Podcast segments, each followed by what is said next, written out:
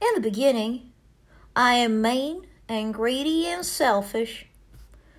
This is symbolized by three things. A. There's a half finished sculpture of an angel in my garage. B.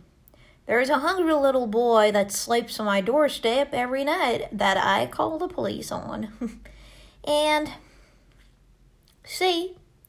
I have a dying father that I haven't talked to in years. Then one day I see the error of my ways. I don't know how, I don't know. But I see it. Then the song comes on, and in the three minute duration of this song, I make all of the changes I need to in my life. They are symbolized by A. I finished the angel sculpture in my garage, and incidentally, it's a masterpiece. B. I feed the little hungry boy on my porch. I bring him into my home, and incidentally, he becomes a senator and loves me. And finally, C.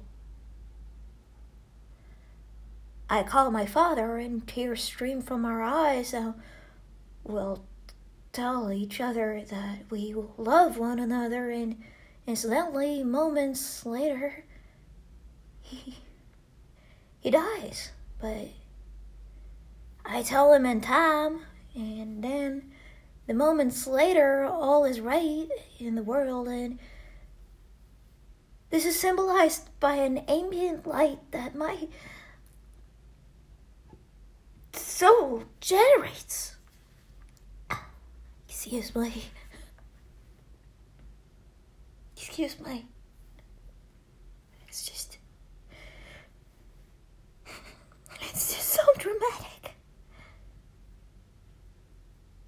I do all in the duration of a three minute song. It frustrates me so that I can't change like that.